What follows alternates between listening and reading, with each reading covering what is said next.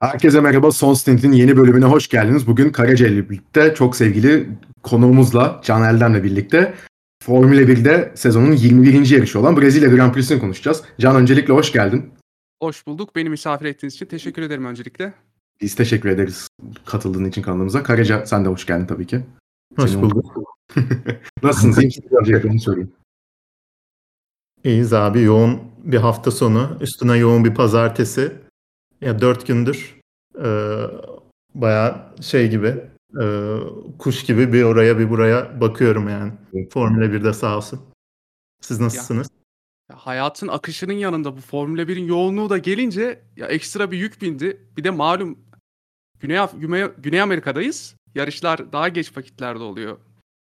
Bundan dolayı ekstra bir gece vaktinde bir ekstra bir yorgunlukla beraber daha büyük bir yük bindi bu yarış haftasında bize. Abi Neyse hakikaten ki, neyse ki bir önceki yarıştaki gibi 12'de 1'de değildi yarışta. Aynen öyle. Tabii ben Almanya'da olduğum için bir tık daha rahatım o konuda. Dün 7'de başladı yarış. Ben 9'da başlıyor zannediyordum bizim saatle. Ben baktım ha 7'deymiş ya hemen açayım diye şey oldum. Türkiye saati 9. Bir kafa karıştı da. Yani sağ olsunlar ama bize de konuşacak konu verdiler. İstiyorsanız hemen hızlıca hatta yarış hafta sonundan başlayalım. Yani normalde biz Karaca'yla uzun süredir hani sıralamaları hızlı bir şekilde atlayıp direkt e, yarışa geliyorduk. Hani sprinti bile neredeyse çok detaylı konuşmadık ama hani Brezilya bu sene bize tabii konuşacak çok güzel konular da verdi. Interlagos pisti de bu arada ya güzel çok iyi pist ya. Ben en ikonik bulduğum pist olabilir muhtemelen. Ya siz ne düşünüyorsunuz bilmiyorum ama Ya benim top 3'me girer ya. net benim de ilk üçümde. Aynen öyle. Hani her yarışta farklı hikaye de veriyor. Geçen sene zaten hani Verstappen Hamilton kapışmasını görmüştük. Çok o da çok acayip. Hamilton'ın sprintte yükselmesi. 2019'da yine Verstappen Hamilton kapışması vardı. Daha farklı bir e, senaryoda. Hem Verstappen kazanmıştı. Gasly ilk podyumunu yapmıştı. E, bu sene de tabii hani yine sprint olması sebebiyle cuma akşamı e, bir sıralama seansı gerçekleştirildi. Yağmur yağacak mı, yağmayacak mı, ne zaman yağacak diye e, başlanırken e, Q1 biraz ıslak başladı. Q2'de artık pist kurudu. Q3'te hani herkes normal e, lastikleriyle e, piste çıktığında turlar atmaya başladığında yağmurun geleceği zaten artık yavaş yavaş belli olmuştu ve hani pilotlara da söyleniyordu. İlk turlar atıldı ve biz bir anda Kevin Magnussen'i ilk sırada gördük. Zaten ben de o sırada dışarıdaydım bu arada. Telefonda işte F1 app'inden baktım sonra izlerim diye. Magnussen bir yazıyor. Ha dedim herhalde Q1'deyiz daha. Hani birkaç tur atıldı. Sonra dedim yok saat tutmuyor. Bir daha baktım. Seans bitti. Dedim nasıl ya bir dakika ne oluyoruz? Sonrasında tabii seyredince oturdu taşlar yerine de. Yani burada şimdi size Kevin Magnussen'in polis ne kadar sürpriz, ne kadar beklenildi gibi bir soru sormayacağım. Hani Magnussen 1, e, Schumacher 20 başlamışken ama Can istiyorsan senle başlayalım. Hani tabii ki Russell'ın kazası ve hani pistin sonrasında yağmur sebebiyle ıslanması sebebiyle Magnussen orada çok e, yerini koruyabilecek seviyede de geldi ama aslında baktığımızda kuru pist şartlarında da yani Magnussen turun attı. Verstappen e, onda 2 gerisinde kaldı. Verstappen de aslında turunu atmıştı. Verstappen yanlış hatırlamıyorsam o tur içinde bir hata yaptığı için aslında e, yakalayamadı, geçemedi Magnussen'i ama ya zaten bu tür hava şartlarında en kısa sürede turu atıp bitirmek, en ideali cebe atmak önemli. E burada da Russell'ın kazası gelince birçok pilot bunu başaramadı. Bunun ardından gelen güzel bir sürpriz oldu. Bence güzel de oldu. Çünkü bu sene böyle sürprizleri pek görmedik. Hatta podyum yapan pilot sayısı 3 büyük takım dışında sanırım sadece Norris var. Aynen öyle. Yani o sürekli aynı bir tek düzelikte devam ederken Magnussen gibi bir ismin Haas'la beraber poli alması gerçekten güzel bir hikaye oldu bu sezon için. Çünkü geçen sene hatırlarsınız işte Ocon'un yarış kazanması, ondan önceki sene Gazi'nin yarış kazanması, Norris'in defalarca kez podyum yapması falan derken böyle farklı isimleri görebiliyorduk. E şimdi de Magnussen'in ilk ve tek hayatındaki pole pozisyonu bu şekilde alması gayet güzeldi ama daha garip olan Haas'ın sanki şampiyonluk kutlar gibi bunu kutlamasıydı. Abi o doğal ama ya. Yani onlar da herhalde yani Karaca sen ne düşünüyorsun bilmiyorum ama bir daha pol görürler mi? Ya tabii ki seneye yeni bir yatırımcıları Olmaz. olacak. Hiç belli olmaz. Hani bundan sonrasında belki biraz daha işler değişir ama ya sen de herhalde Magnussen için sevinmişsindir diye düşünüyorum. Herkes sevindi bu arada. Ben hiç Evet. olumsuz bir tepki görmedim F1 kamuoyunda. Ya biz zaten son birkaç yarıştır e, Haas'a bayağıdır bayağı gömüyoruz. E, ama genel olarak e, benim problemim Gene Haas'la hani yönetimiyle takımın ve takımın yönetiliş şekliyle e, üst sıralara oynamaları pek mümkün değil. Hani e, olabildiğince fazla parçayı e, başka bir şirketten başka bir üreticiden tedarik ediyorlar. O yüzden hani şampiyonluğa, pol pozisyonlarına, galibiyetlere oynamaları imkansız. E, ancak böyle bir şartta olabilir. Ama o sevinci görünce hakikaten yani e, takım yönetimine e, bütün lafları edebilirim ama e, o takımdaki çalışanların Magnussen'in sevincini görünce gerçekten e, benim de içim ısındı. Ve e, hani şanstır şans değildir bunu konuşmaya e, çok gerek yok dedin. Aynen ben de katılıyorum. E, o şansı kendine yarattı sonuçta. Piste ilk çıkan kendisiydi. İşte arkada hala e, kuruydu hava. Kuru lastikle tur atanlar oldu. Verstappen işte lastiklerini kilitledi bir virajla. Temiz bir tur atamadı. Tek bir tur atabildi herkes ve o turun en iyisini Magnussen attı. Aynı şekilde Q3'e kendini atmas, atamasa böyle bir fırsat Aynen. doğuramayacaktı kendisine. O yüzden e, şans evet ama doğru yerdeydi yani ve bu şansı kendine e, yarattı. O yüzden e, bu arada şey de harikaydı. Garajın içinde kutladı ya. Bir yandan Evet. totem yapıyorlar daha kutlamayın daha kutlamayın diye. Evet. Sonra arabada herkes etrafında böyle kaskına falan vurmaya başladı. Normalde pistin ortasında telsiz mesajıyla kutluyorlar. O garaj ortamında kutlamaları da ayrı bir hoştu.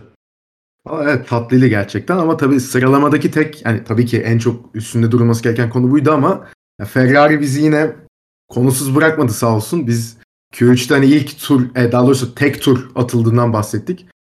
E, ilginç bir deneme yaparak Ferrari hani pist kururken e, intermediate lastikleri taktı Leclerc'e. Leclerc de attığı tur sırasında bir tek ben mi kullanıyorum bu lastiği dedi ve evet cevabını aldıktan sonra da e, Amerika'da Verstappen e, radyodan bir sövmüştü. Aynı şekilde söyledi e, Leclerc de. Abi a- adamı daha can yani ne kadar delirtebilirler ben her hafta sonu artık bilmiyorum yani alıştı herhalde. Bin, çok garip yerlere gidiyor iş çünkü. Ya Ferrari ile çok garip bir bağı var Lökler'in. Yani ben bunu tarif edemiyorum. Ya zaten e, radyo mesajlarından, telsiz mesajlarından olsun veya verdiği demeçlerden olsun bunu çok rahat bir şekilde görebiliyoruz. Ama o bahsettiğimiz lastik konusunda bence Lökler'in en e, her şeyi özetleyen anı bir fotoğraf var. Mutlaka bu bu podcast, bu şey anı dinleyecek insanların mutlaka karşısına çıkmıştır o. Aynadan bir kesiyor böyle arka tarafı millet ne yapmış diye. Herkeste kırmızı var. ya bu bence her şeyin özeti oldu. Ferrari ve Leclerc adına. Ya bilmiyorum basit bir kuraldır. Yani önce çıkacaksın, soft lastiklerle beraber atabildiğin en iyi turu atacaksın, döneceksin en uygun şartlarda. Abi yağmur indirmemiş, yerde ıslaklık yok, bir şey yok. Ya var elbette ama bir önceki seansa göre daha kötü bir durum yok. Bunu ne- neden Evet. tercih ederler, nasıl tercih ederler bilmiyorum, anlamıyorum. Yağsa kuru lastikle çıkmışsan gelir değiştirirsin yani. Okey. Kaybedecek hiçbir şeyin yok o durumda. Yani hani şeye bakınca da bu arada hani tur zamanlarına bakınca da e, hani Verstappen Q2'de en iyi tur mesela 1.10.881 Q3'teki en iyi tur Magnussen'de 1.11.674 yani aslına bakarsak hani 0.8'lik bir fark var orada. Evet. Yani o hani yağmur şartı yok yani onu zaten hani biz tur zamanından beri görebiliyoruz aslında. Öyle bir deneme yapmaları yani ne kazanacaklarla onu çözemedim gerçekten. Çok Yalan da olmasın. fark ediyordu. Yanlış hatırlamıyorsam 6-7 saniye yakın fark ediyor yağmur lastiklerini geçtiğimiz Zaten zaman. direkt pite girdi. Evet. Zaman ya atmadı yani hani. Ve İlginç bir. Q, Q1'in başında da 1.18 ile tur atıyorlardı. Hani tam Evet. e, geçiş lastikleri mi kuru lastikler mi o o zaman aralığındaydı atılan turlar. Artık yani Q2'nin sonunda kuru hava turları atılıyordu resmen ve üstüne daha birkaç damla çiselemiştir en fazla. Çok net bir durum vardı ama hani e, elindeki bilgiyi veriyi yanlış hesaplayabilirsin ama bu direkt bir mantık hatası oldu o bakımdan. Çok ilginçti ama bir o kadar da e, az şaşırtıcıydı benim için Ferrari kampında. Yani gerçekten öyle. Hani şaşırtma konusunda üstlerine yok. Ya buradan istiyorsanız sprinte geçelim artık. Ee, çünkü hani Tamamdır. sprinte de, de değişik şeyler yaşandı. Yani bu tabii e, sıralama sonucunda hani Magnussen birinci, Verstappen ikinci, Russell 3, Lando Norris de çok çok iyi bir tur attı. O da hani aslında o da piste en son çıkan isimdi. Buna rağmen dördüncü başlayabildi kendisi. Yani onu da tebrik etmek gerekiyor o konuda. Bir de e, hastaydı hafta sonu boyunca. Ona rağmen çok iyi bir performansla geldi sprinte. Niye güldün öyle bir baktın ama. Kariyacım. Ee, abi şey dedi ya e, benden kolay kurtulamazsınız diye bir tweet attı. O geldi. Landon o şeyleri güzel hakikaten. Ya böyle bir sıralamayla başladık biz sprinte. Ya tabii zaten Magnussen de sprinte başlarken ona da radyodan hani iyi eğlenceler dediler sadece. Zaten kendisi de söylemişti hani altında Haas olduğunun farkında. En hızlı 8. veya 9. araç oluyorlar yani. Hatta 10. araç bile olabiliyorlar e, gittikleri piste göre. E, o yüzden de hani orada ne kadar vakit geçirebilirse o kadar kardır şeklinde konuştum Magnussen ki kendisi de 8. bitirdi ve bir, pu- bir puanla e, kapamış oldu sprinti. Fena da start almadı bu arada. Aynen öyle yani ilk Gayet iyiydi. ilk turuyla değil lider geçti bu arada. Hani Verstappen'e direkt geçilmedi. Ee, hani Verstappen hatta onu geçecek hamleyi yapmaktan çok Russell'ı savunmakla Evet. uğraştı. Ya o da çok büyük ihtimalle hani ben zaten bunu geçeceğim de Russell'ı tutayım arkamda şeklinde düşünmüş olabilirler. Onu bilmiyorum ama çok yani olaysız bir start oldu. Tabii sonrasında tabii ki pilotlar doğal olarak Magnussen'i geçti. 8. bitirdi Magnussen de işte zaten sonrasında da söyledi hani dünden bir puan daha fazlam var diye. Her puan sonuçta o tarz takımlar ve o takımdaki sürücüler için karlı. E, sprintte ama herhalde en çok e, konuşulması gereken konulardan bir tanesi Red Bull'un e, performans düşüklüğüydü. Sefer de sen başlayalım. Hani, e, antrenman turlarında da çok hızlı gözükmüyordu ama ya tabii hani e, Verstappen aracına e, yeldeki maddelerden bir, birkaçının da çarptığını söyledi ama hani buna rağmen lastik seçimi zaten çok tartışıldı. Herkes yumuşakla başlamışken Verstappen orta hamurla başladı. Bir de üstüne hani potansiyel bir hasar geldi muhtemelen araca ama ya ona rağmen Verstappen lider giderken Russell'la çok güzel bir kapışmaları vardı. İzlemesi gerçekten çok keyifliydi. Ee, o ikisini de tebrik etmek lazım. Yani çok güzel yer bıraktılar birbirlerini. Birazdan başka mücadeleye de geleceğiz. ama hani Verstappen dördüncü bitirdi sonuçta ve hani resmen hiçbir şey yapamayacak konuma gelmişti artık bir yerden sonrasında. Ya e, e, hasardan önce de aslında Russell daha hızlıydı. Sadece hani e, düzlükte yaklaşamıyordu. Geçiş hamlesini yapacak kadar yaklaşamıyordu. E, bir defa işte düzlükte çok sola gittiğinde orada hasarı e, oluştu sanırım araçta. E, orta hamurla başlaması da gerçekten ilginçti. Bana şeyi hatırlattı abi. Avusturya'da da lastik yönetimi bakımından ciddi bir sıkıntı yaşamışlardı ya. Orada da sprint hafta sonuydu. Evet. Burada da şimdi e, antrenmanlarda yağmur da oldu. Aracı ona göre ayarlayamadılar. Lastik yönetimine güvenemeyip o yüzden mi orta hamurla başladılar Verstappen'in aracında diye düşündürdü. Ve hakikaten diğer araçlar yumuşak hamurda e, çok sıkıntı yaşamıyorken sprint yarışı boyunca e, hani bir noktadan sonra artık yumuşaklar tempo kaybeder, Verstappen hızlanır, geri geçer diye düşünüyordum ben. Ama öyle bir şey de olmadı. Hani orta hamur lastiklerini eşit derecede yaktı neredeyse. Ee, o benim için çok ilginçti açıkçası. Ya Avusturya'da da 3 3 pit stop mu yapmıştı? Lastikleri hiçbir şekilde çalıştıramamıştı Red Bull. O Aynen. O ilginç bir not. Bir tabii sadece Yapı bir olarak da benzer pistler aslında. o, o da Aslında. doğru. Aynen. İrtifa olarak da. rakım İrtifa olarak da kesinlikle aynen. Ben de buna değinmek isteyecektim. E, Can peki sen hani bu sprinti seyrettikten sonra şey konusunda ne düşün? Hani Mercedes hızlı gözüküyor. Yarışı kazanabilirler dedirttiler mi sana sprintten sonra? Aslında yavaş yavaş mesajını verdiler. Herkes Singapur'da bir atak yapmalarını beklerken Mercedes tarafının Singapur'dan sonra yavaş yavaş yavaş yavaş bir adım ileri gide gide gide araçta belli ki bazı sorunları çözmeye başlamışlar. Çünkü özellikle geçen haftaki yarış Meksika'da. Meksika'da o düzlük hızları hiç sezon boyunca olmadığı kadar yüksekti. Takım e, yavaş hızlı virajlarda fena olmayan performans gösterirken asıl sıkıntısını düzlükte çekiyordu ki bunu çözdükten sonra Brezilya'da da gördük zaten yaptıkları geçişleri ve en azından Verstappen'i kendilerine yaklaştırmamasını veya alıp götürmelerini görebildik bu sefer. Yani belli ki asıl kilit bence Red Bull'un kaybından ziyade Mercedes'in bir, şeyleri oturtturmaya hani konseptini çözmeye mi diyeyim artık veya işte her ne yapıyorlarsa bir şeyleri doğru yapmaya başladıklarını gösteriyor sanki. Asıl olay burada başlayıp bitiyor. Çünkü inanılmaz bir pilot performansı da bence görmedik. Böyle fark yaratan. Yani Ama evet. ya araçlar dengelendi diyebiliriz biraz. Bunu şuradan da çok net anlayabiliyoruz. Basit matematik Ferrari'de çok geriye gitmeye başladı. Mercedes'le olan savaşında. Demek ki Mercedes Red Bull'u ya- yakalamaya başlamış. Aynen öyle. Yani Mercedes- bu şekildeydi. 2023 için hani şimdiden sert mesajlar vermeye başlıyorlar. Seneye zaten kıyamet kopacak bence çok büyük ihtimalle. Hani iki İngiliz'e karşı Max yani Leclerc de olur çok büyük ihtimalle orada. Evet. Onu göreceğiz tabii de. Ee, şimdi zaten Mercedes ve Red Bull'a yarış içinde de gireriz. Hani sprint'te tabii bir de iki tane e, iki farklı takım Hemen atlamadan şunu söyleyeceğim Mercedes'le ilgili. Ben debrieflerini hani videoları koyuyorlar ya Mercedes YouTube kanalına. Evet. Onlara e, birkaç tanesine baktım. E, James Vowles mu Andrew Shovlin mi ikisinden biri e, soruları cevaplıyor ve Amerika Grand Evet. Prix'si için bir güncelleme paketi getirmişler. Amerika'da tam istedikleri gibi çalışamamış o paketin hani getirileri. E, yarışın şartlarından dolayı.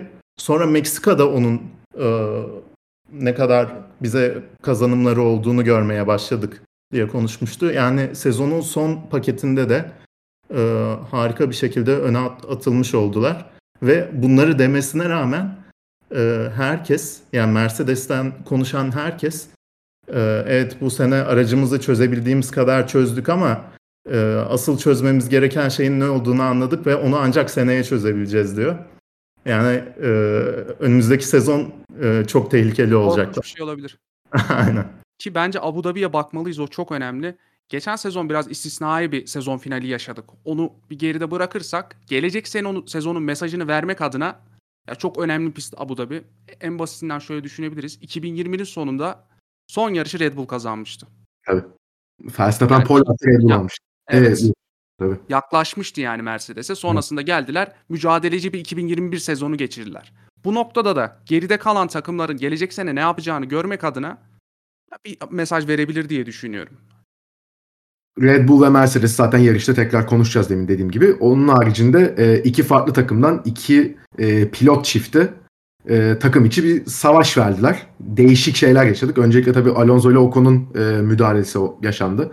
Yani müdahale daha diyemiyorum ben açıkçası. Yani sizin de çok ufak fikrinizi alacağım ama yani Alonso'nun ben ilk gördükten sonra ya dedim Ocon yine mi yer değiştirdi? Yine mi sıkıştırmaya çalışıyor? Yo Alonso direkt arkadan hani düzlüğe çıkarken o start finish düzlüğüne bayağı arkadan gelip vurmuş ya. Araya ceza da aldı. Ben açıkçası Alonso'nun cezasını haklı buluyorum. Siz ne düşünüyorsunuz? Ben de haklı buluyorum. Yani ilk ilk şeyde tartışılır. İlk start anından sonra birbiriyle girdikleri mücadele tartışılır ama ilk start anında zaten pek ceza verilmiyor bu konularda. Bunu yıllardır görüyoruz. Ama ikinci olay şimdi kimse kızmasın, küsmesin, üzülmesin. Büyük bir Ocon e, düşmanlığı da var insanlarda. Onu da anlıyorum. Çünkü dengesiz adam. Yani dengesiz adam. Ben bir şey demiyorum. Bir antipatikliği de var. Neden bilmiyorum. Çok. Yani Yiğit Tezcan'ın bir lafı var bununla ilgili. Bu kadar düz bir adam olup bu kadar nefret edilen bir adam olmayı nasıl başarıyor diye bu şekilde. Ki zaten yarış anındaki telsiz mesajlarından da bahsederiz sonrasında. Onun da gerçekten çok garip feryatları vardı. Ama dediğimiz gibi temasa baktığımız zaman abi dümdüz o konunun hatası değil yani. Burada Alonso'nun giriyor yani göz göre göre giriyor. Buradan da akıllara şey gelebilir. Aslında Stroll temasına çok benziyor. Ama Stroll orada çok Orada hatalıydı. Evet Bir- katılıyorum. Aynen. İşte insanlar direkt aklına o geldi insanların. Stroll teması geldi ama burada işler biraz farklı. Çok farklı. Evet. Bir de Çizgi, e, yarış çizgisi çok farklı. Evet. Bir de e, Alonso direkt telsizde çemkirmeye başlıyor ya. Ben de açıkçası onun o çemkirmesini duyunca tamam o konu hatalı herhalde filtresiyle izledim ilk tekrarları ama sonra baktıkça adam çizgisini bozmamış ki diye düşündüm. Sonra yarış sonunda da zaten Alonso özür diledi. Ben hata yaptım dedi. Orada tabii ben hata yaptım dedi ama devamında da e, ilk turda dördüncü virajda olan da benim hatam pek değildi gibisinden bir şey de demiş sanırım. Şimdi bir de şöyle bir şey var. Ben hata yaptığımı yarıştan önce söyledi. Yoksa sprintten sonra verdiği röportajda da hani neyse ki haftaya son yarışım. Hani yeşil araca geçmek için sabırsızlanıyorum da dedi. O yüzden hani Alonso'nun Merak ediyorum ya. Geçen önümüzdeki sene için merak ettiğim en büyük konulardan biri. Aston Martin ne yapacak abi? Valla ben de çok merak ediyorum. Bakalım yani hani Alonso'nun bu tercihinden dolayı ama. De, tabii tabii canım yoksa yani ben de çok umursamazdım açıkçası da. Ee, Aston Martin demişken bir de tabii hani Vettel ve Stroll de. Onlar tabii bir temas yaşamadı ama yani Stroll e, Amerika'da Alonso'ya yaptığının aynısını yaptı. Vettel sadece okey dedi radyodan.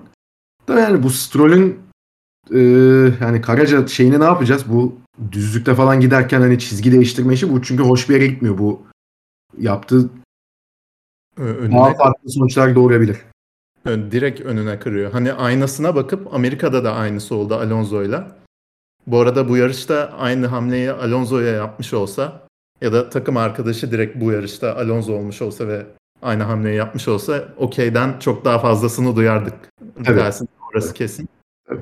Ee, iki durumda da aynasına bakıyor. Ee, yana açıldığını görüp arkadaki sürücünün ona göre reaktif bir hamlede bulunuyor ve gerçekten çok tehlikeli. Normalde de bu ceza alan olaylarda iki ceza puanı aldığını görüyoruz. Ceza alan sürücünün. Ee, hani zaman cezasının üstüne. Bu sefer Stroll 3 ceza puanı almış. Buradan bence ya ben ilk defa 3 ceza puanı verildiğini görüyorum tek bir olaya. Ee, belki son uyarı niteliğinde bir cezada olabilir. Çünkü hani bir defa olur anlarım ama tekrar eden bir olay haline gelmeye başladı. Ve hani düzlükte uçak kazasına benzer bir şey olabilirdi orada. Evet. Yani Ya cinayete teşebbüs bu bir noktada yani. hakikaten Bakma, ya. bir otokontrol yete- yetersizliği falan var adamda bilmiyorum ama. Yani bu bu kadar hani aynada gördüğü an lan ben ne yapacağım deyip üstüne mi kırıyor ben? Çünkü alışkanlık haline geldi adamda artık. Ya Formula 1 sürücüleri tabii sınırları olabildiğince zorluyor. Nasıl olsa ceza almam diye bazı aslında yapılmaması gereken şeyleri de e, yaptıkları oluyor ama bu e, hani sınırları zorlayacak bir konu değil. Çünkü insan sağlığına hakikaten etki edebilecek bir e, sonuçları olabilir bunun. Duvar çok daha yakın Alonso örneğinden e, onu bir kenara bırakırsak burada Vettel'le girdiği pozisyonda duvar çok daha yakın. Evet yok. Doğru. Amerika'da girmek üzereydi. tabii, Amerika'da arada Çin vardı yani Amerika'da. Ona rağmen ki duvara çarptı Alonso orada yani. Neydi yani orada daha e, abuk burada- şeyler olabilirdi de. Diğer pilotlar da zarar görebilirdi çünkü arkadan gelenler birbirine çok yakındı. Aynen öyle. Ee, yani Stroll'e bir ayak çekilmesi gerekecek muhtemelen. Yani e, istiyorsanız buradan da sprinti yavaş yavaş noktalayalım. Hani Russell kazandı sprinti. Sainz 2, Hamilton 3, Verstappen de 4 oldu. E, Sainz tabii yarışa 5 sıra grid cezasıyla başladı. Hani bu yüzden ilk sırayı zaten e, Mercedesler bu sene ilk defa kapmış oldu. E, ve yarışa da bu şekilde başladık. Tabii şimdi sprintte biz e, Mercedes'in, Red Bull'un ve Ferrari'nin tempolarını gördükten sonra özellikle hani ilk iki sırada başlayan Mercedes'leri görünce herkes doğal olarak hani Mercedes tamam artık eli çok kuvvetlendi e, şeklinde bakmaya başladı. Hani Verstappen startta belki bir atak yapıp bir tanesini geçer mi şeklinde bir e, konuşma yaşanmıştı. E, tabii fikir tartışması anlamında. E tabi Hamilton'ın bir galibiyet serisi var. Formula 1'e girdiğinden beri her sene bir en az bir galibiyeti var. Hani o devam ettirmek için Russell'a atak mı yapacak yoksa hani 1-2 devam edelim sonrasında hani biz yolda e, bakarız duruma şeklinde mi devam edecek? Yani bu tarz sorular vardı. E, e tabi Ferrari'ler hani ne kadar işin içine girebilecek. E, ya nis, nispeten değil hatta bayağı aslında sakin bir start gördük bütün bu soruların dışında. Herkes yerin, herkes yerini korudu. Neredeyse turun sonuna kadar. E, ama hani turun sonlarına doğru artık kaçıncı viraj olduğunu kusura bakmayın hatırlamıyorum. E, Magnussen'le Ricardo'nun abuk bir temasını gördük biz. Hani Ricardo zaten yarış sonrası e, Abu Dhabi'de geçerli olacak şekilde 3 sıra grid cezası aldı ki ben açıkçası çok haklı da bir ceza olduğunu düşünüyorum. Hani ne yapmaya çalıştı orada bilmiyorum. Meksika'da da Tsunoda'ya o tarz bir Aynısını neredeyse. Tama, tamamen aynısını yaptı. Hani o viraja dönüş bile sağ orada da sağa dönülüyordu. Burada da sağa dönülüyor. Tamamen aynısını yaptı ve hani e, iki sürücü de yarış dışı kaldı. Sonrasında güvenlik aracı ve güvenlik aracı sonrasında e, yeniden startta kıyamet yani kopmaya başladı diyebiliriz herhalde. Direkt zaten hani ilk virajda Verstappen e, dışarıdan Hamilton'ı geçmeye çalıştı. Hamilton yer bırakmadı. Hani sol ve sağ şeklinde ilerleyen bir e, orada ilk iki viraj o şekilde ilerliyor. E, ve sonrasında bir temas yaşandı. Verstappen ön kanada hasar aldı ve Verstappen pite gelmiş gelmek zorunda kaldı.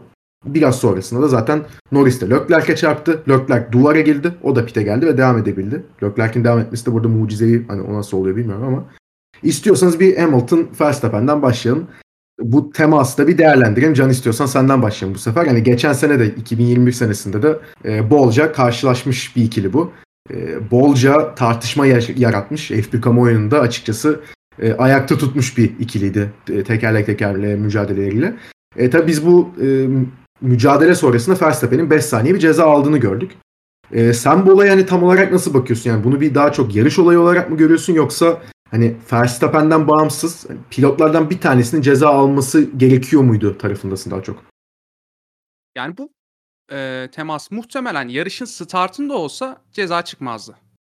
Start anında ilk turlarda biraz önce de konuştuğumuz gibi iltimas çokça gösteriliyor ama güvenlik aracı ardından gelen hani yeniden hareketli startta böyle olunca ya ilk izlediğim anda ben normal standart bir temas hatta biraz Hamilton daha kusur, kusurlu görünüyordu sanki önüne kapatmış gibi. Hani bu ceza da ne derece doğrudur yanlıştır işin açığını konuşmak gerekirse fazlasıyla incelemedim. Ama baktığımız zaman bana bir yarış olayıydı gibi geliyor. Ki zaten ikisi de e, sonrasında yarıştan sonra yaptığı açıklamalarda söylemiş. Abi o fazla kapattı. Ben de burası benim dedim. Sonunda çarpıştık yani. Olay buna dönüyor. Ama oradan Mercedes aracının hasar almadan kurtulması da ayrı bir şans, ayrı bir hikaye bence. Ya o Suudi Arabistan'da da mesela hani arkadan Hamilton çarpmıştı gayet devam etmişti. o adama hiçbir şey olmuyor ya. Evet, Imola'da evet. da öyle oldu. O ha, ilginç. Diyeceğini biliyordum. Mercedes aracını buna göre tasarlıyor diye. Manda kasa tabii. Evet.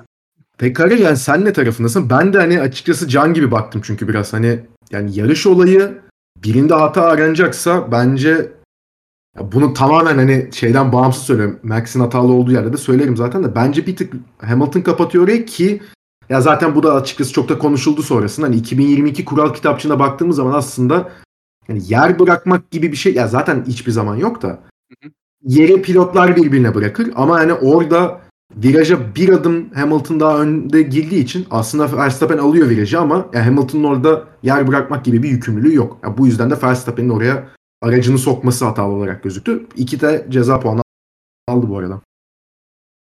Yani 2022'de yönetmelik biraz değişmiş sanırım bu tekerlek tekerleğe mücadelelerde.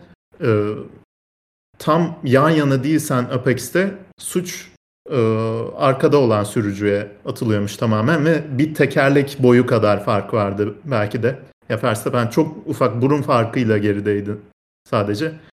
E, bunu düşününce ceza verilmesi mantıklı. Hani kuralı yanlış uyguladılar gibi bir durum yok. Ama kural ne kadar doğru e, ben ondan çok emin değilim.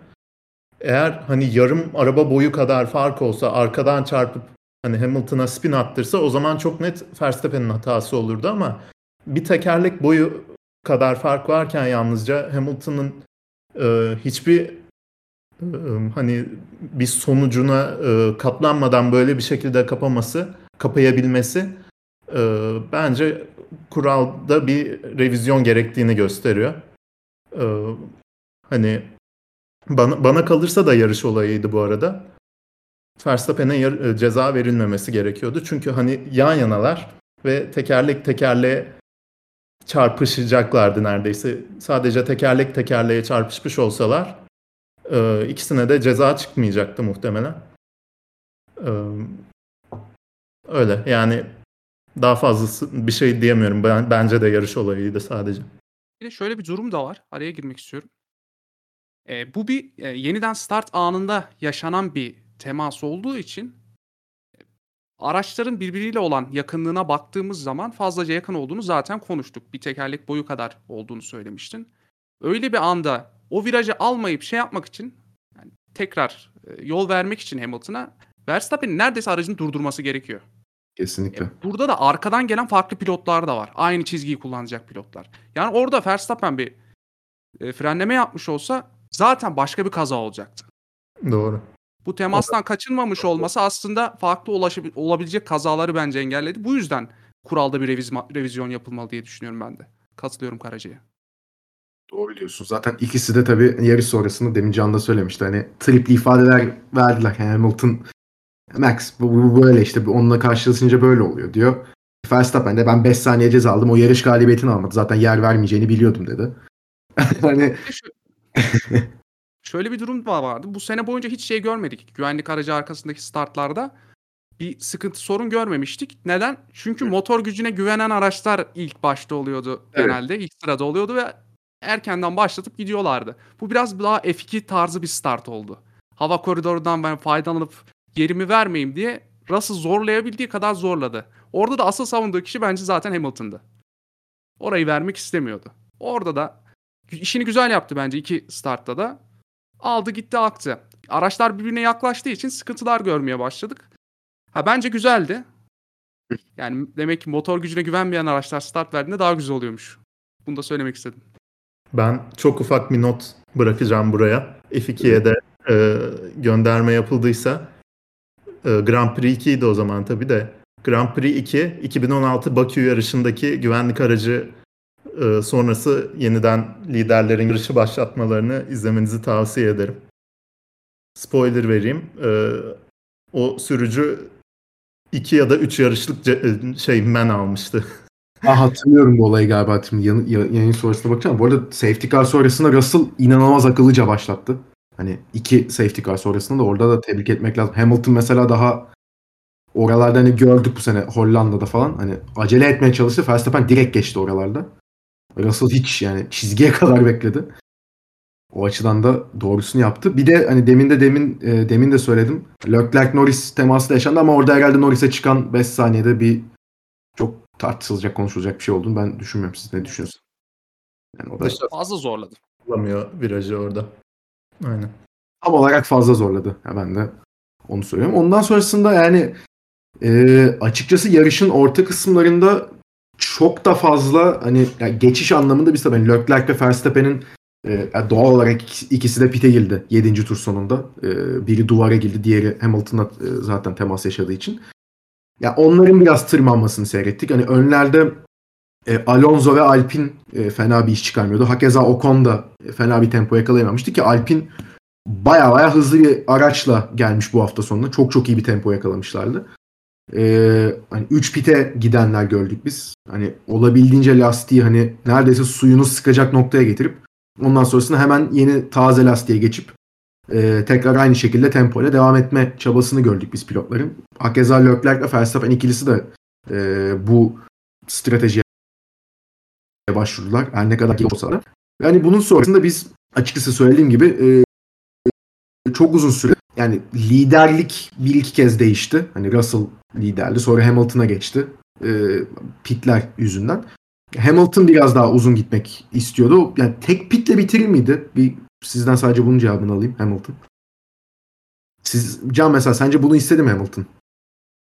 Ya istemiş olabilir çünkü ben 10 tur daha kullanırım tarzında bir radyo mesajı gönderdiğini hatırlıyorum. Bence asıl istediği oydu. Yani Bence ben de. o tek galibiyeti almak istediğine eminim Hamilton'ın. Yani herkes de bunu bekliyor aslında. Ee, Bir gözüyle bakıyor insanlar oraya. En çok isteyen de tabii ki kendisidir. Bir adım attı ama şunu fark ettim. Mercedes pit duvarında da ya bir formsuzluk ya da artık eskisi kadar full Lewis Hamilton odaklı düşünmeme durumu var. Yani hiçbir zaman bence kesinlikle şu an en iyi pilot ikilisi Mercedes'te. İkili Çok net. ikili baktığımız zaman. Çok, Çok net net. açık ara. Bunu daha önce Ferrari için konuşuyorduk. Yani Carlos Sainz'la Leclerc olur mu diye olmadı bence. Yani bir araç mı olmadı artık bilemeyeceğim. Rekabetçi olarak dayanıklılık noktasında yetmedi mi? Pit duvarı hepsi bir araya gelmesi gerekiyor yani. Bu noktada da ya Mercedes pit duvarında bir sırım sıkıntı var. Bir şeyleri planlayamıyorlar ki bunu geçen hafta da görmüştük. Çokça tercihlerden şikayet etmeye başladı son zamanlarda Lewis Hamilton. Eskiden ne yapardı? Kendi bildiğini okurdu. Kendi bildiğini yapardı. Yaptırırdı veya. Ama şimdi biraz takıma güveniyor. Ama şu durum var. O güvenlik aracı olduktan sonra yarışı kazanamazdı teknikte. En sondaki güvenlik aracından dolayı her türlü girmek zorunda kalacaktı. Aslında lehine olmuş oldu durum. Yani Ben açıkçası e, şey olduğunu düşünüyorum. Tek pit olur muydu emin değilim ama e, son pitini olabildiğince geç yapıp Evet.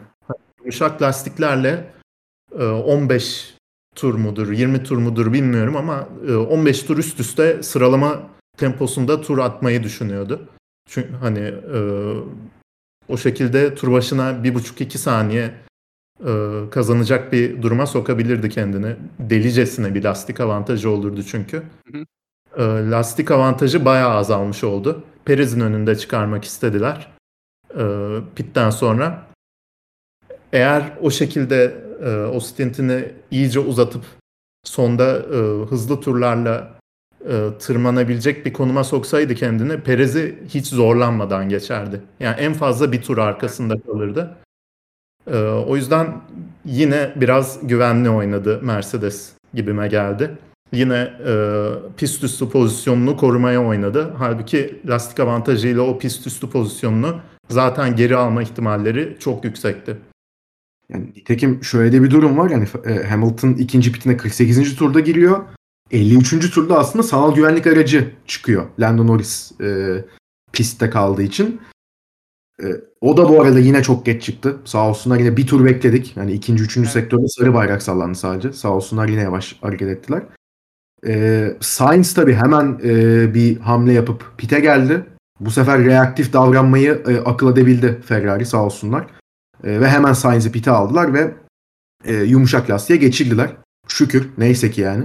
Hani pist pozisyonu kaybeden tam da hani bizde adam akıllı lastik olsun noktasına geçildi. Sainz de fena bir yarış çıkarmadı bu arada. Zorunlu bir pit yapmıştı arka fren kanallarına bir vizör filmi kaçtığı için. Ama buna rağmen bence fena bir yarış geçirmedi. Valla ben de katılıyorum yani bu Ferrari maksimumunu çıkarabildi gibi bu yarış için. Zaten birazdan onlarla geliriz. Hani Sainz da e, bunun içine dahil. E, ve hani biz bir anda bu arada Alonso da 52. turda pite girmişti. E, Alonso ve Sainz aslında hani kendilerini çok iyi bir noktaya getirdiler. Evet. Ee, ki sanal güvenlik aracı da zaten gerçek güvenlik aracına döndü bu sırada. Ve herkes sıralandı. Şimdi ya ben orada ilk şakasına arkadaşıma şey yazdım. Bak dedim Verstappen gelir buradan kazanır. Ondan sonra hani ben de şey yaparım diye. Ya tabii ki öyle bir şey olmayacaktı da. Şimdi orada Russell zaten bir sordu. Biz dedi hani ne yapıyoruz? Yarışıyor muyuz? Yer mi tutuyoruz diye. Saygı çerçevesinde yarışıyorsunuz. Şeklinde bir mesaj gitti. Okey. Ya orada tabii hani Perez yerini koruyabilecek mi? Sainz nasıl bir atak yapacak? Hamilton ne yapacak diye beklerken yani şu, Hamilton geçmeye çalıştı mı sizce Russell'ı? çalıştı bence. Yani aradaki ama hiçbir zaman DRS mesafesine giremedi. O Evet. o da şeyle yani Russell'ın e, çok iyi start almasıyla alakalıydı bence. Yani güvenlik aracı ardında biraz önce konuştuğumuz meseleden dolayı çok net bir şekilde arayı açtı. DRS mesafesine de sokmadı. Ya peki Evet. mesela Karaca sana şurada şöyle, Gidip Ha. geldi. şöyle soracağım Karaca sana. Birinci Verstappen, ikinci Hamilton olsa daha fazla zorlar mıydı? Yani belki lastiklerini tüketmek pahasına zorlayabilirdi ama o kendi zararına olabilirdi. Önündeki Russell olunca biraz daha hani mantıklı hareket etmiş olabilir. Hani sezonun son yarışı olsa önündeki şampiyonluk rakibi Verstappen olsa çok daha kendi zararına olacak bir şekilde zorlayabilirdi ama onun dışında e, maksimuma yakın zorladığını düşünüyorum. Yani mantık çerçevesi içinde olabildiğince zorladığını dü- düşünüyorum Hamilton'ın. Russell da sonuçta hani dünkü çocuk değil abi. Hamilton'ın yanında biraz dünkü çocuk gibi kalıyor ama Evet. e, o da gayet elit bir pilot. 1.1 ile 1.5 arasında gidip geldi hep fark. Son iki turda Hamilton'da bıraktı artık bir yerde. Evet. Aynen orada arada Russell'ın aracında da bir su sızıntısı sorunu varmış.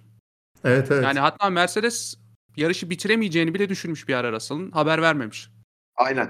Yani hatta Russell'a sonra söylemişler. O da bir hadi, hadi ya falan olmuş. Bayağı açıkladılar yani ne suyu ya ne sızıntısı falan şeklinde. O Ben tabii Söylemezdim bu arada. Tabii canım. Ben çok, çok talihsiz olurdu yani iyi bir hafta sonu geçirdi çünkü. Ee, bu arada hani güvenlik aracı startında hani onu da konuşalım. Sonrasında artık biraz daha dramasına girelim işin. Ee, hoş gerçi bu da drama kategorisine giriyor ama e, Ocon'un ilginç bir telsiz mesajını gördük biz. Ee, Verstappen 10, Alonso 9, Ocon 8'di o sırada Evet. e, başlangıç olacağı sırada. Alonso'da yepyeni hiç kullanılmamış e, yumuşak lastikler vardı. Ocon'un lastikleri eskiydi. Ocon'un önünde de Sebastian Vettel vardı. Ocon'a dediler ki Alonso'ya yer var. Onda lastik avantajı var. Sonrasında yürüyün gidin. Akın yani. Ocon dedi ki hayır ver, öyle bir şey olmayacak. Alon yani Fernando ile savaşmayacağım da önümde Seb var. Ben de Seb'i geçmeye çalışacağım. Ya Alonso yerini ver dediler. Dedim yok savaşmayacağım. Ya biraz orada tabii tartışma yaşandı ama hani Ocon yine de bence fena seçmedi kelimelerini ya sanki orada. Lakaytlık olmadı gibi görünüyor. Evet. ama Ama bu- adam da şimdi kalktı. Çok güzel start aldı ama güvenlik aracından sonra. Dediğini yaptı Vettel'i. Evet, ama Evet. ve sonrasında Alonso'ya da bence usturup gitti. Evet evet. Ya kameralara yansımadı ama güzel şekilde vermiş. Tam ben de o noktaya değinmek isteyecektim. Yani Aynen. orada- Hiç fena değildi. Orada ilk bir iletişimi Ocon'la Alpine arasında biraz gerginmiş gibi göründü. Sadece Ocon orada hani ben bir geçebilecek miyim öndekine bakayım sonra zaten yol vereceğim demeye getirdi. Ee, sonrasında da öyle oldu zaten.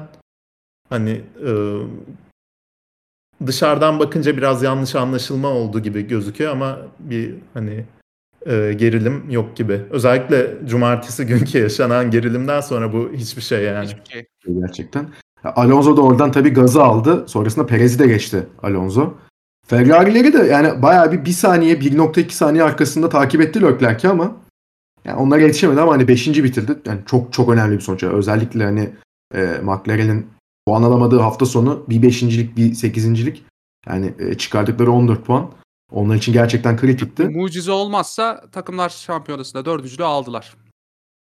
Çok büyük ihtimalle bence de aldılar artık bu saatten sonra. 19 puan Yarış. fark tek yarışta zor. Aynen. Ki bu noktaya kadar çok rahat almaları gerekiyordu da dayanıklılık çok büyük sıkıntı oldu. Sprint yarışından sonra da Ocon'un aracı alev almış bir de öyle bir öyle bir durum da. Şey varmış. Sidepod kırık yarıştırmışlar bu arada o konu. Kimse bir şey dememiş. O ilk- Ben gerçekten bu FIA'ya yazar yani yine. Ben anlamıyorum abi. Çok Şeyi de fark ettiniz mi bu arada? Onu soğumadan söyleyeceğim. Ee, yeniden start alınırken solda bir Sunoda vardı. Turunu geri almaya çalışan. Abi bu nasıl bir rezalet ya? Tam ona da gelecektim. Yani e, tur yemiş araçlar yerini alsın diye iki aracın yani Albon'la Latifi'nin e, numarası söylendi. Sunoda var ama yani önde Sunoda duruyor ilginç bir şekilde. Öyle bir şey olmamalı yani. Sunoda mı? Felaket bir kar yani. Felaket bir durum. Traktörden farkı yok benim için. Bu arada Sunoda'ya helal olsun inanılmaz yol verdi. Evet, Direkt evet. çekildi dedi siz gidin ne yapıyorsanız yapın. Çok doğru en doğrusunu yaptı adam. Evet. Hemen çekildi start finish'te. Ve zaman kulesinde de hani güvenlik aracında hiç kimse yer değiştirmiyor. Orada da çok net belli oluyor. Sunoda Latifi'ye geçildi. Hani Latifi herkesten turunu geri alıyor. Bir yandan Sunoda'yı da geçiyor ama Sunoda inanılmaz bir şekilde unutuldu yani. Yani gerçekten tebrik etmek gerek. Çok doğru bir şey yaptı. Orada çok büyük bir karmaşa çıkabilirdi çünkü. Gerçekten çok garip şeyler yaşanabilirdi. Neyse Evet, ki Sunoda da e, düzgün davrandı orada. E, biz tabii hani bu yarış startı sonrası hani Verstappen de yeni lastik takmıştı. Verstappen'e de e, 64. turda bir radyo mesajı gitti. Git Leclerc'ten puan çal. Baktın olmuyor. Alo, işte önce tabii önünde Alonso var. Alonso'yu geç Leclerc'ten puan indir. Ha baktın olmuyor. Sonlarda Checo'ya yerini geri vereceksin dediler. Verir misin diye bir soru gitmedi. Ee, Çeko'ya da aynı şekilde telsizden tamam Fers, işte Max senin için bir puan çalmaya gidiyor. Olmazsa son turda yerleri değiştireceğiz şeklinde. Hakeza çok benzer bir e, konuşmada Ferrari cephesinde yaşandı. Leclerc orada e, Sainz'dan yerini vermesini istedi. Şampiyonayı düşünün şeklinde e, konuştu. Ama tabii hani Sainz orada podyumdaydı ve iyi bir hafta sonu geçiriyordu Sainz. Her ne kadar Leclerc de çok bence olağanüstü bir iş yaptı. 17.likten 3 pitle kendini dördüncülüğe atarak ama ya 4 saniye önündeydi Sainz'da. Hani orada bir de podyum sonuçta. Arkasından gelen bir Alonso vardı. Aynen Alonso öyle. Alonso- Verstappen vardı hatta. Aynen öyle. Araları yani Leclerc'le Verstappen'in arası o sırada böyle 2.8 saniye falandı. Hani hatta o kadar bile değil. 2.5 saniyeye yakındı. Çünkü Alonso 1.2 geride. Verstappen de 1 saniye 1.1 saniye gerisinde gidiyordu Alonso'nun. Ve hani e, bu konuşmalar eşliğinde biz tabii hani son turlara girdik. Damalı bayrağı Verstappen 6. E, Çeko 7. geçti. Şimdi buradan sonra da zaten kazan kaynamaya başladı. İstiyorsanız bir buna da değinelim. Ondan sonrasında da yarışı kapatırız zaten. Çünkü hani yarışın önüne geçen bir tartışma konusu açılmış oldu. Verstappen radyodan çok açık bir şekilde ben size e, bu yaz ne hissettiğimi söyledim. Benden sakın bir daha böyle bir şey istemeyin. Ben böyle bir durumda yerimi vermeyeceğimi size belirtmiştim dedi. Checo Perez de e, hani öncelikle zaten Horner özür diledi Checo'dan. Hemen özür diledi. O beklemediğim bir şeydi Horner'dan. Horner iyi yönetti bu arada bu süreci bence. Checo'yla da çok uzun süre vakit geçirdi sonrasında. Checo da yani ne kadar hayal kırıklığı yaşadığını sor- söyledi ve sonrasında Verstappen'in aslında nasıl biri olduğunu gösterdiğini söyledi. Ve yarış sonrası yarış sonrası e, İspanyol basınına verdiği röportajda da Perez ben olmasam iki şampiyonluğu olmazdı. Ben ona iki şampiyonluk hediye ettim. Ona çok yardım ettim dedi. Bu biraz tartışmalı. Şimdi o, uçmamak da lazım bence ama Şimdi o kadar da değil yani. e, o kadar da değil tabii ki. Yani iki senede e, 25 yarış kazanmış birinden bahsediyoruz sonuçta. E, Verstappen'e de e, F1 TV ve Sky Sport e, soru yönelttiğinde özellikle hani bu önceden yaşanan bir olayla alakalı mıydı bugün yaşananlar dedi. Evet dedi. Ne hakkında diye sorulduğunda da o, sizi ilgilendirmez. Hani sonuçta bugün yaşandı ve artık hani eşit durumdayız tarzı hani politik bir cevap vermek yetindi ve bunun hemen akabinde de e, Hollanda basından Erik van Aren diye bir gazeteci var. Verstappen'e çok yakındır bu gazeteci de. E, hatta Verstappen'in de yakın başka bir arkadaşı da tweet attı. E, Monaco'da Checo Perez'in bilerek sıralamada duvara girdiğini, e, bu yüzden de Verstappen'in önünde başladığını ve bunu Helmut Marko ve Christian Horner ikilisine söylediğini, anlattığını, bunun takımda bilindiğini yazdılar. Ve Verstappen de bu bilgiye sahipmiş yazdan beri. Söylenene göre. Ki yarışın üstünden ne- neredeyse 160-170 gün geçmiş. Tabii hani burada şimdi bu Monaco olayı ayrı bir durum ama yani Can istiyorsan bir sana sorayım önce. Yani yer vermemesini Verstappen'i sen nasıl buldun? Ben çünkü yani podyum mücadelesi olsa evet diyebilirdim belki hani hani ikincilik, üçüncülük için bile bilmiyorum hani sonuçta 4 yarış kala şampiyonluğunu elde etmiş bir isim var ortada.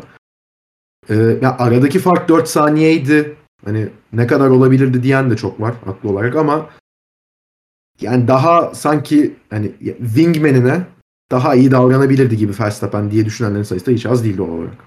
Şöyle bir durum da var. Ee, aradaki fark Alonso'yu kovalarken şunu dendi daha doğrusu. E, Verstappen'e telsiz mesajında. Alonso'yu geçebiliyorsan geç. Olmadı geçemiyorsun. Perez'le yerini değiştir. Orada yani kimse Alonso'ya hediye etmeyecekti sırayı. Öndeki sırayı. O yüzden kovalayabildiği kadar kovaladı. Yayına da tabii ki birkaç saniye geç yansıdığının belki çok daha fazla onlar saniye geç yansıdığının mesajları biliyoruz.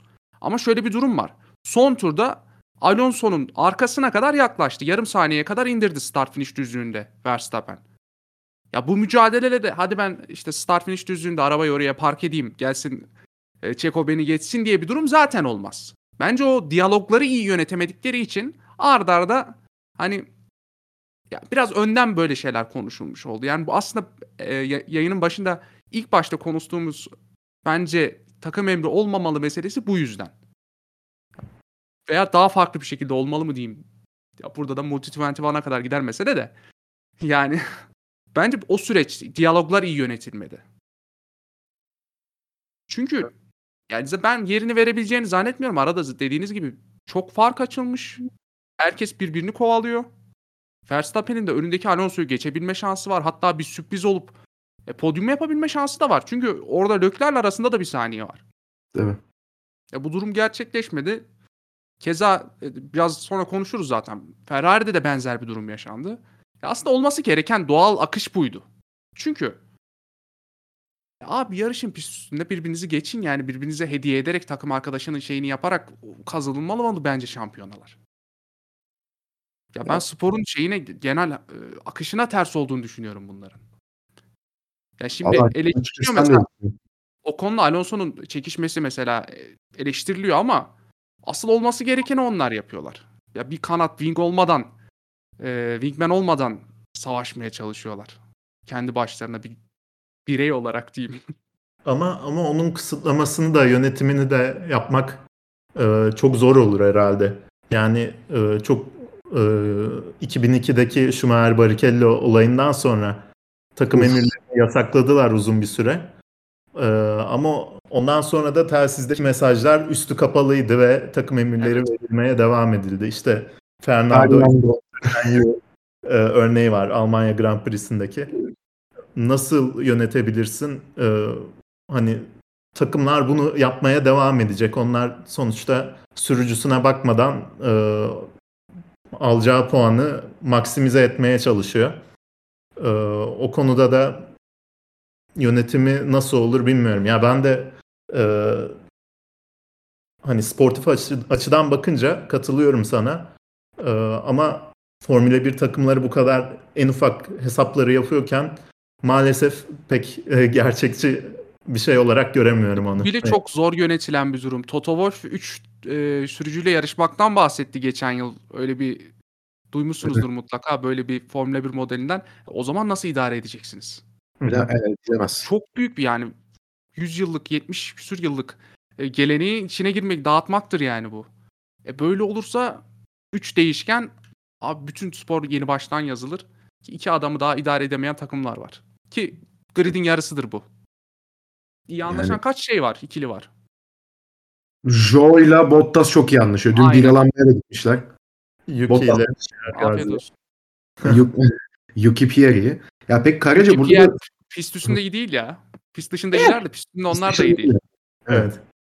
Ya e, peki Karaca burada sana şunu da sorayım yani o yer verme tabii ki hani ya ben ikinize de açıkçası değindiğiniz noktalara katılıyorum. Daha fazla ekleyecek bir şeyim yok. Yani sadece ama hani benim burada tek ekleyebileceğim şey yani Çeko'nun dediği şeye katılıyorum. Verstappen için ben çok şey yaptım demesine açıkçası katılıyorum. Yani geçen sene Türkiye'de Hamilton'a yaptığı savunma. Abu Dhabi'de yaptığı zaten hani olmaması gereken bir şeydi. Bunu daha önce de zaten hani her- herkes her yerde konuştu. O imkansız bir şeydi orada yaptı. Ee, ama yani bu Karaca sana da dediğim gibi şöyle sorayım. Hani Monaco olayının bir anda ön plana çıkarılması. Yani bu kadar gündür saklanıyordu. Yalanlama da gelmedi herhangi bir şekilde hiçbir taraftan. Ee, birincisi hani sen çok bu olayla bağdaştırıyor musun? Belki ilgisi olabilir. Verstappen böyle şeylere takan biri. İkincisi bu tamam hani yer vermedi şeklinde konuşuldu da bu biraz daha sanki ciddi üstüne gidilmesi gereken bir olay. Yani hani sadece Aa, duvara girmiş ya tamam yazık. Verstappen önünde de kalmış. Verstappen de yol vermedi. Ha tamam eşitlendilerle atlatılabilecek bir şey pek değil bu. Ee, resmen yani Red Bull sezonu zihnen kapatmışken bütün şampiyonlukları, galibiyetlerin çoğunu almışken birden Pandora'nın kutusunu açtılar gibi bir durum oldu. Ee, 6 aydır bu konu nasıl bekletiliyordu? Neden birden böyle gün yüzüne çıktı? Hani Brezilya Grand Prix'sinde her şey, bütün şampiyonluklar kazandık, kazanıldıktan sonra 6. sıra için ee, o çok ilginç gerçekten. Hani e, izole olarak bakınca Verstappen'in yeri vermemesi gerçekten hoş bir durum değil. İyi komünike edilmedi. Tamam hani e, Red Bull o mesajları vermese telsizde Verstappen zaten e, yeni lastiklerle geçecekti muhtemelen. Ama takım onu dedikten sonra Verstappen'in e, geri yol vermemesi, işte benim prens- sebeplerim var dedi. Yani gerçekten çok garip bir durum. Sadece altıncılık için olması da ve e, hani çok taze bir olay. Buzulun sadece görünen kısmı e, olduğu kesin bence. Önümüzdeki haftalarda, aylarda netleşecek. E, Verstappen tabii net bir şekilde söylemedi ama Verstappen'in işte e, çoğu haberini sızdırdığı ga- gazeteci Erik Van Haren. E, o çok ciddi ithamlarda bulunuyor. Brundle, Martin Brundle, Sky, Sky yorumcusu, yarış yorumcusu, eski sürücü. O da birden Monaco'yu hatırlattı e, yarışı anlatırken. Ya paddock'ta konuşulan bir konu bu belli ki. E, ve hani takım arkadaşını bir sızdırma yoluyla bile olsa böylesine ciddi bir şekilde suçlaması e, gerçekten çok ilginç bir durum ve daha e, olayın hiçbir şeyini bilmediğimizi gösteriyor bence bu. Ee, bakalım daha ne haberler çıkacak. Ee, Perez'in bu arada o e, kazaya sebep olan turunda da e, Ama oraya gelecek. de döndüğü belli o virajı. Yani çok daha yavaş dönüp e, gaza çok daha erken yükleniyor. Gerçekten anormal, anormal derecede bir fark var diğer sıralama turlarına kıyasla. Bunu sadece e, sıralamada üçüncülüğü elde etmek için yapmış olması ne kadar gerçekçi o ayrı bir e, konu. Hani pol pozisyonunu korumak için de yapmadı. Evet Verstappen'in önünde bitirdi sıralama turlarını o sayede. Verstappen daha hızlı bir turla geliyordu ama e, ve tabii hani pazar günü yarışta Ferrari'nin hataları dolayısıyla e, Perez Monaco Grand Prix'sini kazanmış oldu. Onu tabii ki hani hesaplayamaz. E, bana ama ya bu suçlamalar şu andaki elimizdeki bilgilerle çok çok uzak bir ihtimal olarak geliyor. Tamamen yok ya böyle bir şey olamaz diyemiyorum ama öteki taraftan da. Çünkü e, 6 aydır hani altlarda böyle beliren dumanı tüten bir olay birden patlak vermeye başladı. Yorum net bir yorum yapmak ne kadar doğru olur bilemiyorum. Şey konuşuruz şu an. Çok senaryo da yazarız da magazinden öteye geçmez. Aynen Yani öyle. abi he- hepimizin aklına da bin türlü şey geliyordur yani. Abi sen bunu yaptın madem sen bizim istediğimiz her şeyi yapacaksın. Bu adama yol vereceksin, edeceksin diye bir şey ayar çekmiş olabilirler mesela. Kalkıp bunu ama ne Magazin- kadar doğru olur. Hadi magazin sorusu. İkinize de soruyorum. Seneye Red Bull'un ikinci sürücüsü Ricardo olur mu? Verstappen bunu istiyor mu? Ha, ben sana Alonso olur mu? başladı. Ya Alonso şöyle olur mu? Alonso'nun yemeğini görmüşsünüzdür. Yani Allah korusun da yani Ricardo'yu yanına diyor şeklinde haberler de çıkmaya başladı. Ki çok büyük ihtimalle bu hafta Red Bull Ricardo'yu 3. pil- yani test pilotu olarak açıklayacak. Yani acaba bununla uğraşıyor Verstappen? Yani buraya kadar gidebiliyor aslında konu. Ya hakikaten senin dediğin gibi hani spekülasyon ve magazinden öteye pek burada söylenenler geçmiyor. Ha yani benim burada bir tek gördüm. Ya ben açıkçası benim de kendime göre sebeplerim var deyince Verstappen ya işte hızlıysa gelsin yetişsin geçsin diyor zannettim ben. Ki yani onun gibi robot bir adam için bu aslına baktığın zaman mantıklı bir argüman. Ya ben doğrudur demiyorum. Sadece hani Verstappen gibi yetişmiş biri için çok mantıklı yani. Hızlıysa geçer beni abi zaten. Ben niye yerimi veriyorum ki? İsterse 15.lik için olsun diyebilir onun gibi yetişmiş biri. Ama bu olayın bu kadar büyümesi hani Monaco hani Monaco'da öyle bir şey yapmış mıdır Perez onu da bilemiyoruz. Evet telemetri verisi farklı bir şey diyor ama bir hafta öncesinde İspanya yarışı vardı. Orada yaşananları biliyoruz. Evet Hani- evet evet. Çeko yer mi verdi? Verstappen zaten geçecekti ama falan hani. O yüzden hani Red Bull bunu nasıl idare edecek? Hani bunu da önümüzdeki hafta değil hatta hani sezon neyse ki bitiyor Red Bull adına. Hani hakikaten e, kaotik bir son yaşadı onlarda. E, hani haftaya Verstappen de söyledi bu arada hani tamam bu yarış bitti artık. Ben haftaya Çeko ihtiyacı olursa elimden gelen her şeyi yapacağım onun ikinci olması için dedi. Öyle Son- bir durum da var. E, Çeko'nun sözleşmeyi 2023 sözleşmesini Monaco'nun hemen ardına imzaladığını da atlamamak gerek. Evet. Ya böyle bir durumda bunu söyleyen bir insana direkt sözleşme verir misiniz siz? Veya şu durum var. Ya ben Hemen şey olayına inanmıyorum bu arada. İşte Çeko kalktı ben duvara vurdum diye itiraf etti olayına inanmıyorum. Abi orada mühendisler şeyler direkt görüyordur zaten telemetrilerden. evet. E, biz bir kere baktıysak onlar bin kere bakıyor. Biz bir kere bakınca oradaki e, oynamayı çok net şekilde görebiliyoruz, okuyabiliyoruz. Onlar zaten bunu anlamışlardır. Bu arada şöyle bir e, nokta da var. Hani tamamen üstü kapatılmış bir olaydı bu 6 ay boyunca. Şimdi birdenbire durduk yere e, bütün hani ışıklar bu olayın üstüne Monaco'daki telemetreye e, tutulacak. O didik didik aranacak o telemetri, incelemeler yapılacak. E, eğer buradan Perez'in bir şekilde suçlu olduğu ort- ortaya çıkarsa çok ciddi bir cezayla karşılaşabilir. Bir yandan da Red Bull bunu biliyordu e, diye tahmin ediyorum. Çünkü ellerinde bütün o telemetriler var. Bütün debriefler yapılmıştır takım arasında. Red Bull bunu ört, örtbas et- etmeye çalıştı diye e, onlara da bir çeşit yaptırım uygulanabilir. Mini bir crash gate aslında. Eğer doğruysa. Eğer doğruysa hakikaten öyle. Ya orada tabii hani Briatore'nin işte Bruno Senna'nın falan hani onlar hepsi işin içinde de Hı hı. ya burada Perez kendi inisiyatifiyle güya bir şey yaptığı söyleniyor. Sonrasında takıma bunu sadece söylediği belirtildi. Hani takımın bundan çok sonrasında haberi olmuş. Zaten direkt anladığım kadarıyla Monaco hafta sonunda da söylememiş bunu. Hmm. Araya bir iki hafta sokmuş anladığım kadarıyla. Hani sözleşmeyi falan atmış cebe. Anladım. Monaco'da Belki bu yüzden şikayetçilerdi. Ama şu zaten Perez- Perez'in kariyerinin Monaco'nun ardından farklı bir noktaya gittiğini hepimiz gördük. Perez'in ardından işte aile ilişkilerinin falan bozulduğu bir e, evre falan da oldu ki performansı da net bir şekilde geriye gitmeye başladı. Yani Verstappen'den ziyade Red Bull da e, Perez'in performansından rahatsız olabilir. Ki ben şeyi de düşünüyorum. Ya bu Verstappen gibi adamlar biraz manyak oluyor. değil canım. Deli Bu- oluyor. İşte hani şey de istiyor olabilir. Ya ben yine kazanacağım ama işte yanımda Perez varken değil. Gerçekten e, nasıl diyeyim daha dişli bir pilot, daha dişli bir rakibim varken en iyi araçla ama daha dişli bir rakibe karşı kazanayım diye de istiyor olabilir. Olabilir. Yani hani şey diyene Yeni göre arada bir challenge açayım kendime hani. Şeye çok güldüm bu arada. ya. kendine böyle bir e, olaylar yaratıp hani e, heyecanını körüklemeye çalışıyordu ya Last Dance'de gördük. Ufak tefek olaylara takılıp. O, o tarz bir durumdan bahsediyorsun sanırım. Sadece kazanmak da yetmemeye başlıyor bir noktadan sonra.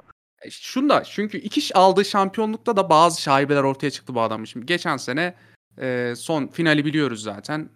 Yarış yönetiminin leke sürdüğü benim gözümde bir final oldu. Sonrasında bu yılda da işte siz bütçeyi açtınız şöyle oldu böyle oldu bilmem ne böyle bir e, ithamlarla beraber aslında iki şampiyonluğu da bir askıda kaldı. Adam sevinemedi şeyde Suzuka'da. O bile bir garipti yani. Bu yüzden hani gerçekten böyle bir saf nasıl diyeyim böyle Senna Prost vari bir şey e, challenge açmak istiyor olabilir kendine. Abi, Valla istiyor da olabilir. Yani yok deli canım ya. O, o tarz zaten o kadar e, yarışmacı sürücüler zaten hani o mentalitede oluyorlar. Şimdi geçen sene Çeko'ya ihtiyacı vardı. Bu sene yoktu ama. Bu sene Evet. Yu- Yuki'yi koy yine kazanacaktı bu adam. Aynen öyle ya. O Çeko'nun dediklerinden neredeyse yani 2-3 şeye katılmıyorum da en çok katılmadığım şey ya ben size iki şampiyonluk ya vermedin iki şampiyonluk. Değil yani 2022'yi. Bu sene yani adam rekor kırmış adam. 15 yarış 14 yarış kazandı. Değil. yani. E, şeyi ima etmek için. Hayır iki defa şampiyon değil bir defa şampiyon olurdu. Geçen Olabilir. sene olamazdı demeye getirdiği için. Çünkü Ya bu o- sene ya bu sene için tartışılacak hiçbir durum yok da. E, geçen sene de haklılık payı olduğu e, yerler olabilir. Bence. Kızanlar, gücenenler olmasın ama ben yani Sergio Perez'in zaten Red Bull koltuğu ayarında bir pilot olmadığını düşünüyorum. o Yani o kadar iyi kal ya o aracı hak edecek daha farklı pilotlar çıkar. Bence mesela Red Bull bünyesine bakarsak Pierre Gasly bence daha çok hak eden bir pilot. Ama işte adam yarıştırmak istemiyor, rekabete sokmak istemiyor. Ricciardo da bu yüzden gitmişti. Tabii çok tar- ayrı bir tartışma konusu. Şimdi başlarsak sabah kadar devam edelim. Ama yani ben şeye katılıyorum yani o bakalım tabii hani Red Bull buradan nasıl çıkacak? Sezon arası onlara bence iyi gelecek her türlü. Bir de hani e, araç güncellemesi, bir tatile çıkarlar, bir kafa dinlerler. O da muhte yani köprülerin ben tamamen yakıldığını düşünmüyorum.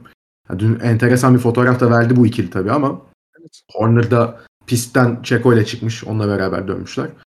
Ee, yani yarışın aslında önüne geçen de bir bu şekilde dramada yaşamış olduk. E bununla beraber tabii George Russell hafta sonunun kazananı oldu. Mercedes 1-2 yaptı. Ee, 2020 Imola'dan beri yaptıkları ilk e, 1-2 sıralaması. O da çok ilginç yani. Geçen sene hani son tura giden bir şampiyonu olduğunu düşünürsek yani geçen sene zaten Red Bull'un da e, 1-2'si yoktu. Mercedes'in de yoktu. Sadece McLaren'in vardı 2021'de. Zaten öyle enteresan bir sezondu. E, Hamilton bu yani 103 galibiyette kalmış oldu tabii. Yani 103 galibiyette kaldı demek de enteresan oluyor. 103 tane galibiyeti var adamın da. O bakalım yani son yarışta yarış kazanını bilecek mi? Yani o seriyi devam ettirebilecek mi? Onu da göreceğiz. Bu arada. Yani çünkü çok farklı bir seviyeye taşıdı Mercedes. Kendini. Ya onu evet son yarışta hiç de belli olmaz bence de. Sainz da e, podyumun son spotunu almış oldu. Leclerc de dördüncü bitirdi. Yani Mercedesler ilk iki, ilk arkalarındaki ikiliyi de Ferrari kapatmış oldu böylelikle. E tabi Bottas 9. olarak puan aldı. Lance Stroll 10.luktan puan aldı. Bottas çok güçlü bir hafta sonu geçirdi. Onu da söylemek lazım. Bottas Meksika'da da iyiydi. Burada da 2 puanı cebine koymuş oldu. Ee, yani o en azından Aston Martin'e karşı biraz Alfa Romeo baş edebiliyor. Zaten 5 puanlık bir fark var. Biz Karaca ile burada Aston Martin e, alır mı 6.lığı diyorduk.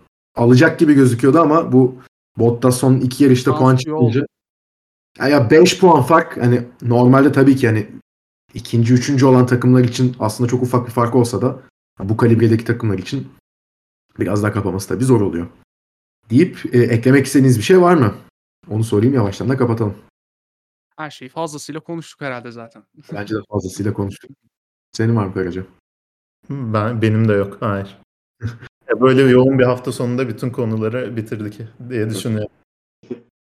İyi sürede de hallettiğimizi düşünüyorum ya. Yoğun bir bölüm oldu ama Aynen. iyi vakitte de hallettik gibi. Can öncelikle çok teşekkürler abi katıldığın Ben için. teşekkür Çok ederim beni ağırladığınız için. Ne demek olur mu öyle şey? Valla gerçekten çok keyifliydi. Karıcacığım senin de ağzına sağlık. Senin de öyle. Sağ O ol. zaman böylelikle de bölümümüzün sonuna geliyoruz. Bizi izlemeyi ve dinlemeyi ve tabii ki Can'ı da izlemeyi ve dinlemeyi unutmayın. Önümüzdeki hafta artık son yarış var. Son yarış sonrasında tekrar da görüşmek üzere. Hoşçakalın. Kendinize iyi bakın. Hoşçakalın.